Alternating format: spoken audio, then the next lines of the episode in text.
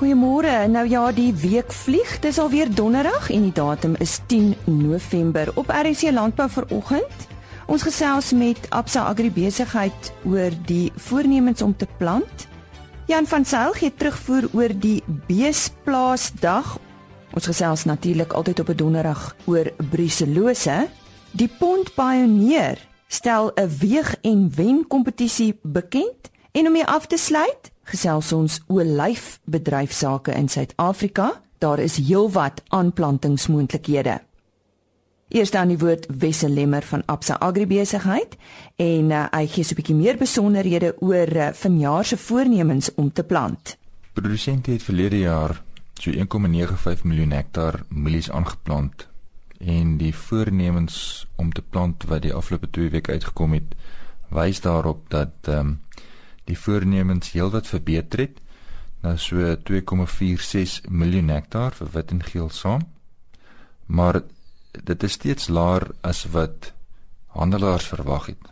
Handelaars het verwag produsente gaan so 2,6 miljoen hektaar mielies aanplant.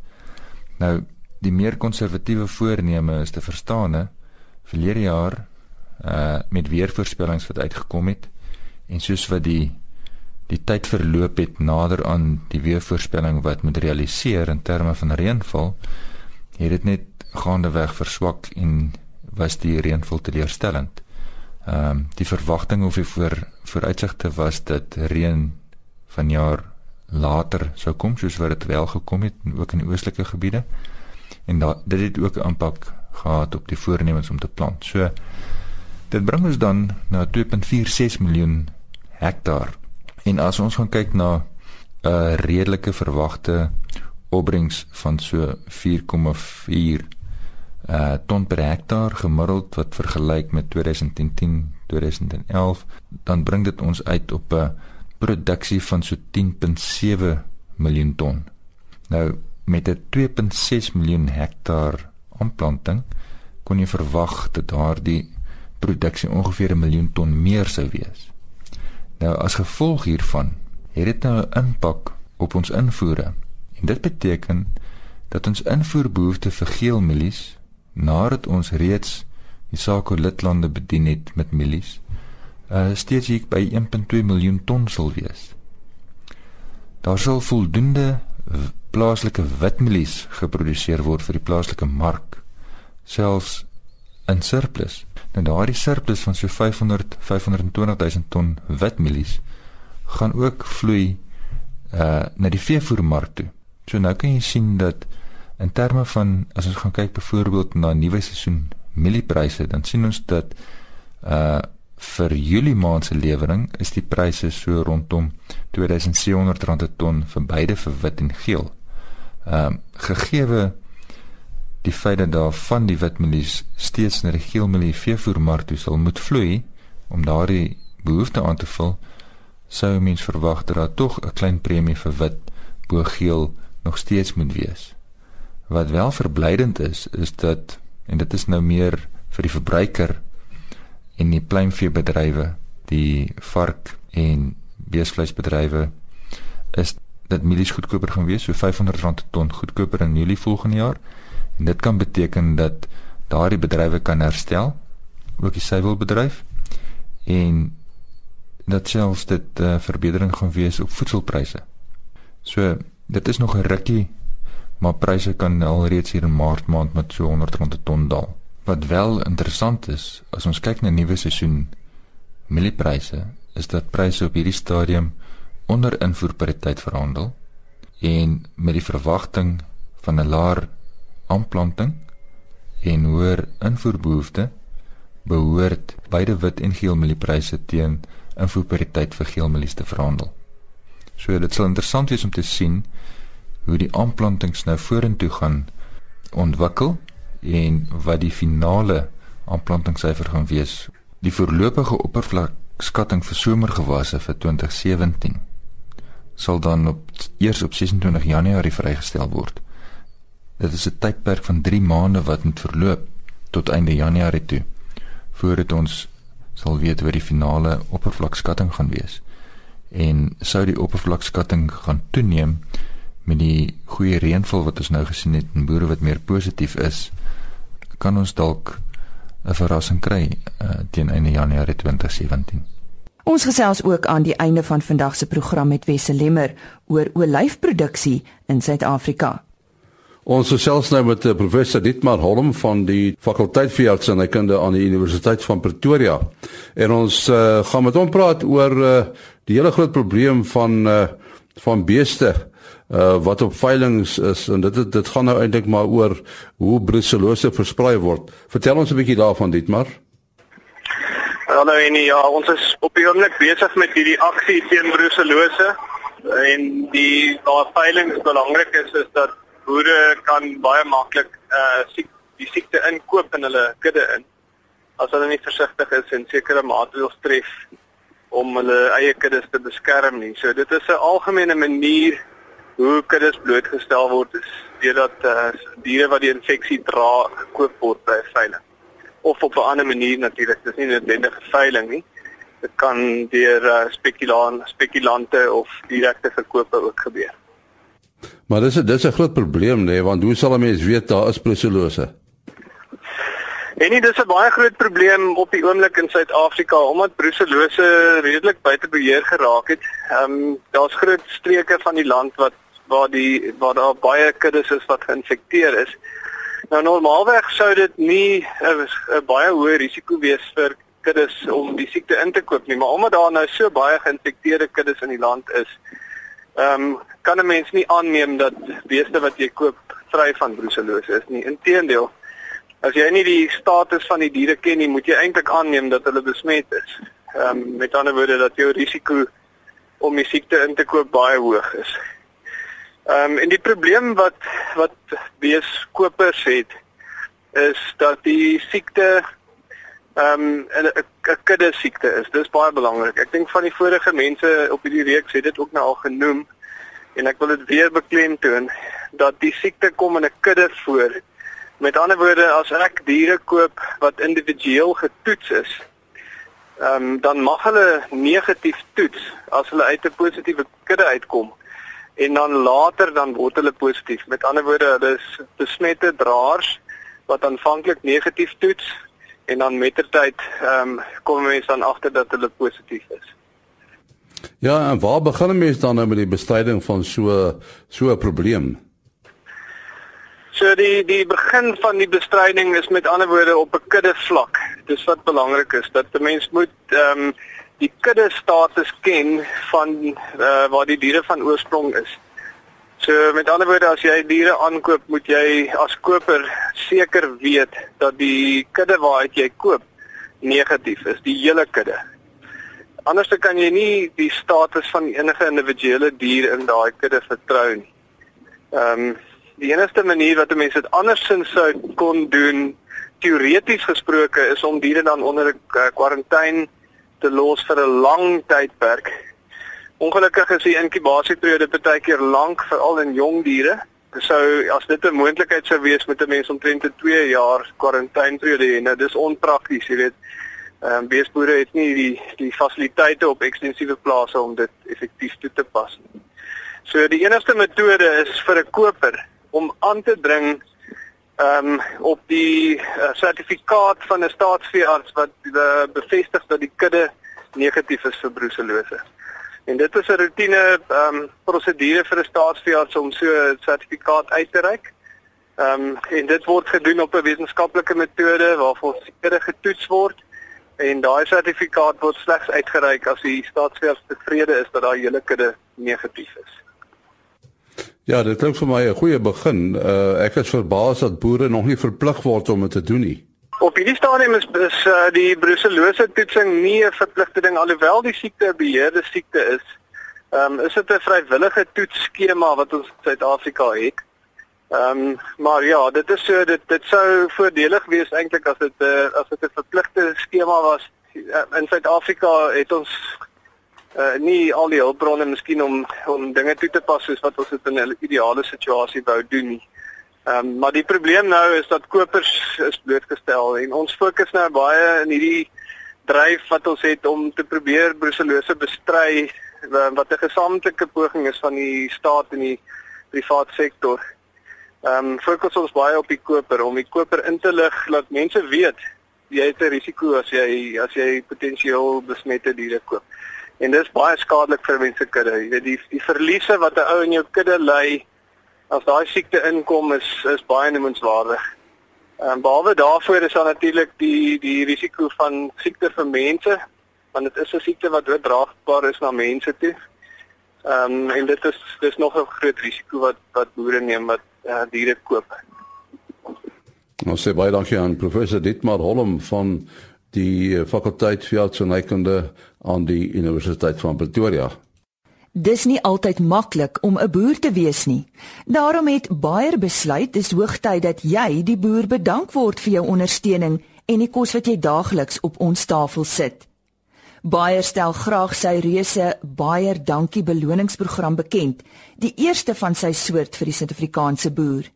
'n Paar tawwe pryse gaan weggegee word: 'n Toyota Land Cruiser, 'n viertrek motorfiets, doseerprogramme en vele meer ter waarde van bykans 1.5 miljoen rand. Hou die pers maandeliks dop vir ongelooflike pryse, gratis produkpromosies, krap en wen promosies en nog vele meer. Kontak jou plaaslike Bayer agent nou of besoek jou naaste agribesigheid en kry die beloning wat jy verdien. 'n Massiewe Bayer dankie aan elke boer. En nou gesels Jan van Sail, eienaar van Kroonvee, oor die beesplaas Boeredag wat naby Rywilo in Noordwes plaasgevind het. OK, dis my groot voorreg. Gewees dat ons vandag hierdie uh beesplaasdag in samewerking met veeplaas kon aanbied. Die doel van die dag is om hier in ons omgewing kennis aan ons medeboer uit te ruil.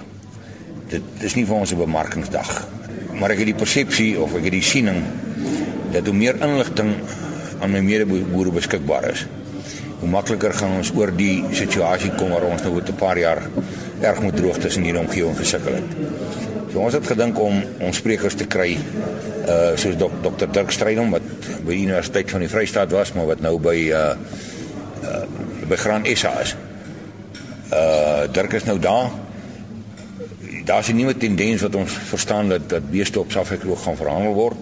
Ons is redelik onkundig in die gebied en dit was vir ons baie belangrik om uit te vind wat is Dirk se perspektief oor dit, hoe sien hy dit vorentoe. Daarby saam het ons ook uh vir Frikkie Marie van die Universiteit van die Vrystaat gekry, hoof van landbou e departement ekonomie om dit te kom gesels oor wat is sy verwagtinge in die beesindustrie vorentoe. Ons weet dat ons nasionale kudde redelik uitgedun is, dat ons 'n heropbou van die kudde moet begin kry en sodat ons boere betyds kan begin beplan hoe ons die die geleenthede wat in die mark plek gaan plaasvind, hoe ons dit effektief kan benut. Ek dink hy het dit vir ons baie mooi uitgelig, baie mooi omskryf het jy bietjie verder ook is dit gegaan om van ons te bemoedig en uh vir ons nuwe hoop te gee vir die industrie wat ons is. Veral waar ons waar hy vir ons op grafieke gewys het dat beesvleis besig is om in in verbruik baie groter toe te neem teenoor ons konkurrente. En vir my as 'n beesvleisboer uh is dit bemoediging om te sien ons is besig om markandeel te wen. Dan het ons ook vir Johan van der Berg van Santam gehad. Ons weet hy ou man is 'n groot weerprofeet. Uh alles alle voorspellings waar raak nie waar nie, maar daar is sekere siklusse en tendense.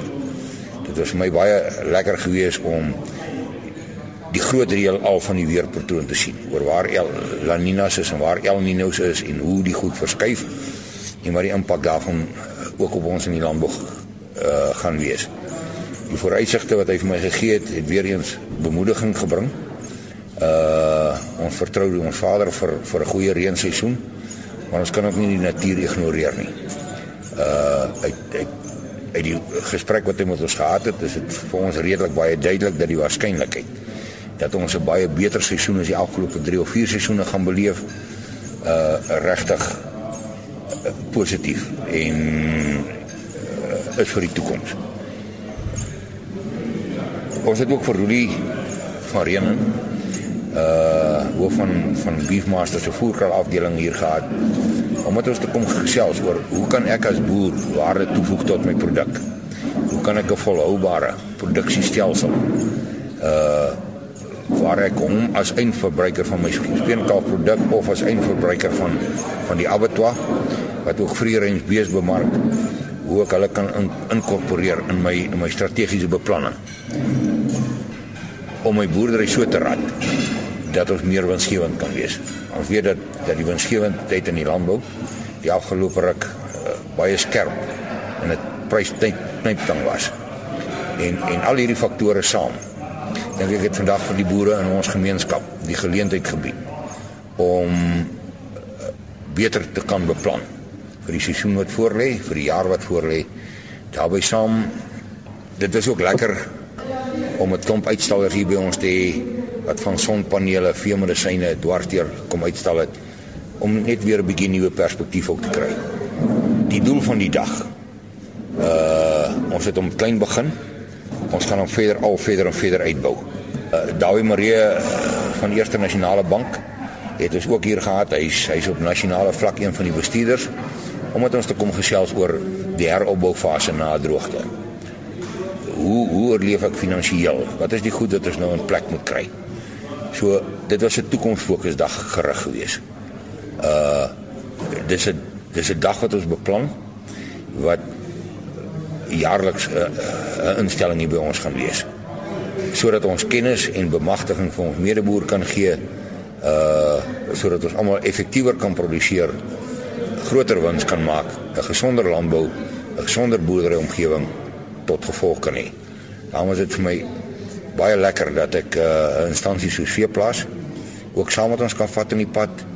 Ek sien uit dat ons hierdie dag kan uitbou uh as 'n beesplaas wat regtig ware toevoeg by almal wat die dag bywoon.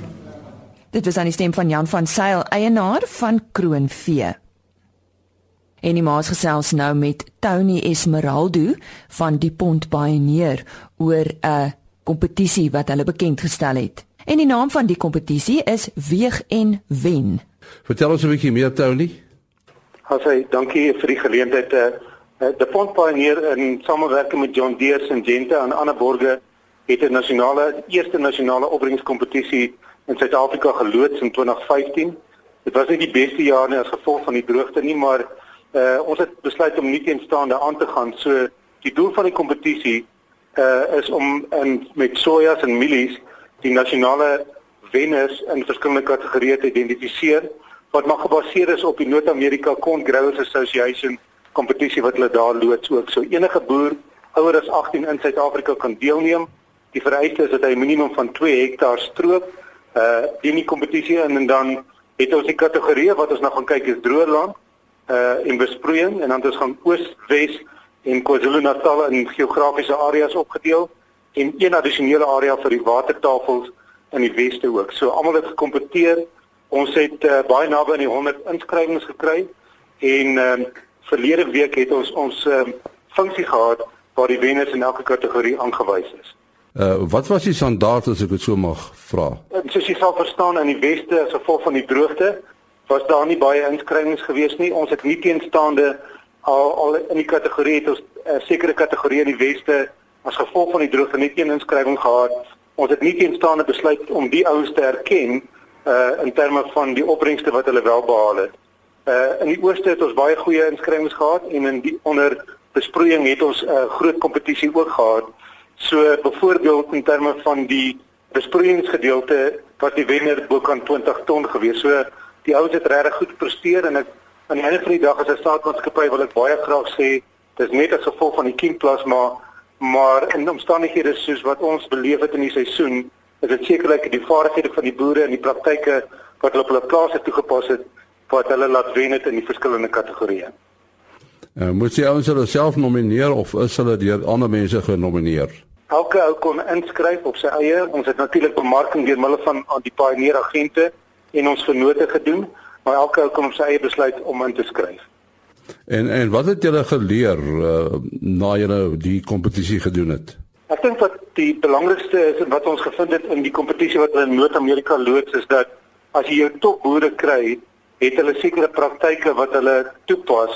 Ons wil graag uh en elkeen se praktyk verskil. So wat ons nou gaan doen as 'n volgende stap saam met ons Noord-Landbou Weekblad is om te gaan kyk wat hierdie topouens gedoen het wat gewen het en dat ons daai praktyke met ander boere in Suid-Afrika deel om die produktiwiteit van boere in Suid-Afrika te kan verbeter. Is daar 'n kategorie vir klein boere? In hierdie uh, eerste jaar het ons nie klein boere as een van die kategorieë gehad het nie, maar om vorentoe te gaan is dit sekerlik iets wat ons aan gaan dink om seker te maak dat kleinskaal boere ook geleentheid kry om deel te neem en te kan leer van hierdie ander ouens wat uh, hoë opbrengste kry uh, op hulle lande. Uh, ek neem aan julle wil hê dat meer mense moet inskryf, né? Nee? Jep, die oogmerk is om uh, om ten minste vir 3 dubbel in terme van die hoeveelheid inskrywings wat ons gehad het. Ek is seker uh, en ons is positief dat ons goeie reëns gaan kry in die komende seisoen. Uh, en ek dink as dit die geval is, sal daar sekerlik meer mense inskryf. Ja, ons sê baie dankie aan uh, Tony Esmeraldo van DuPont Pioneer. En nou weer Wesselemmer van Absa Agribesigheid en hy kyk na die olyfbedryf in Suid-Afrika, die verbruik, die vraag en aanplantingsmoontlikhede. Olyfolie in Suid-Afrika het interessant genoeg redelik toegeneem.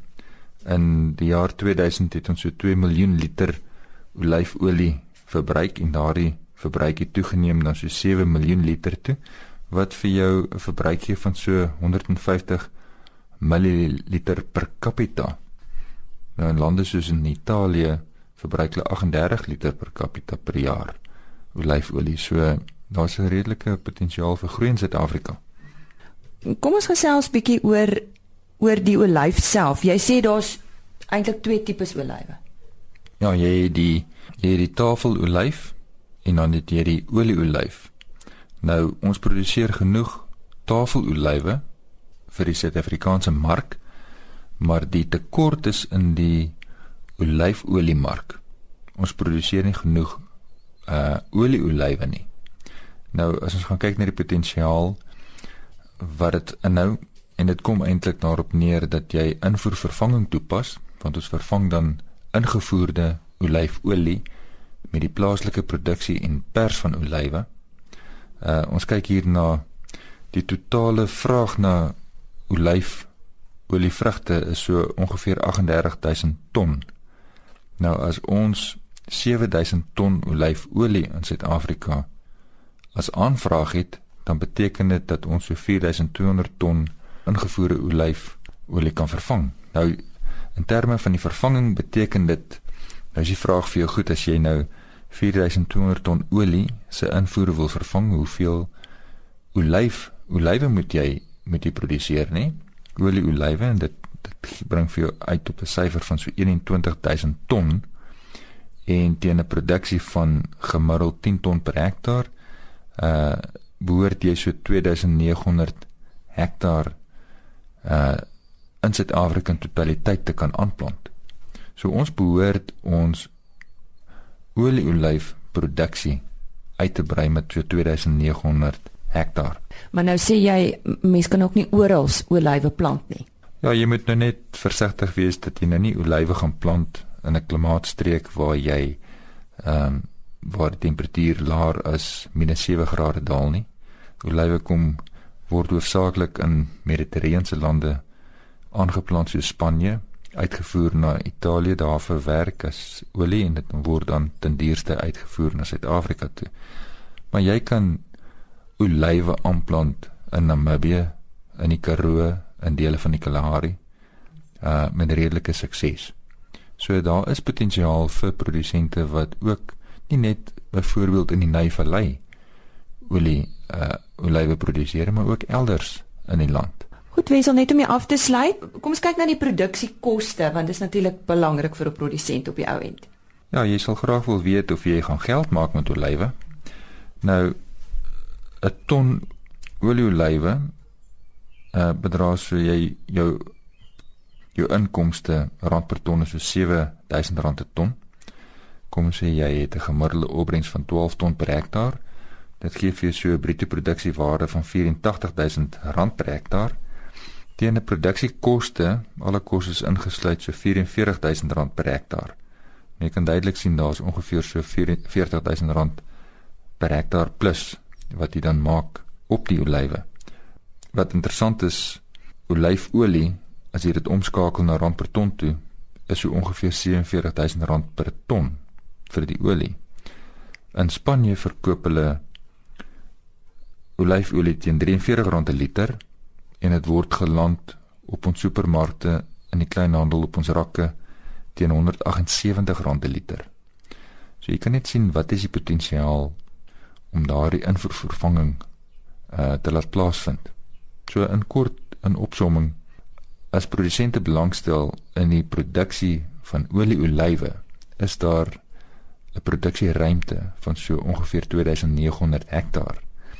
En met die toename in die verbruik van olyfolie in Suid-Afrika kan ons verwag dat daar 'n mooi toekoms is vorentoe vir die olieolywe bedryf. Ek het dan daar gesels met Wessel Lemmer van Absa Agri Besigheid. Onthou Chris Viljoen sal môreoggend om kwart voor 5 op sy pos wees met RSG Landbou, so ook Saterdagoggend. Ons vertrou dat u naweek net wonderlik sal wees. Onthou indien u na enige van ons onderhoude wil luister, daar is twee opsies. Die hele program word as potgooi gelaai op www.rsg.co.za. U kan ook die ander webtuiste www.agriorbit.com vraatpleeg vir die onderhoude en ook ander interessante landbounuus. Dit is www.agriorbit.com. Klik net bo aan die bladsy op broadcast en dan RC landbou en al ons onderhoude word daar gelys. Wees rustig en totsiens. RSG Landbou is 'n produksie van Blast Publishing. Produksieregisseur Henny Maas. Aanbieding Lisa Roberts. En uitskoördineerder Martie Kerstyn.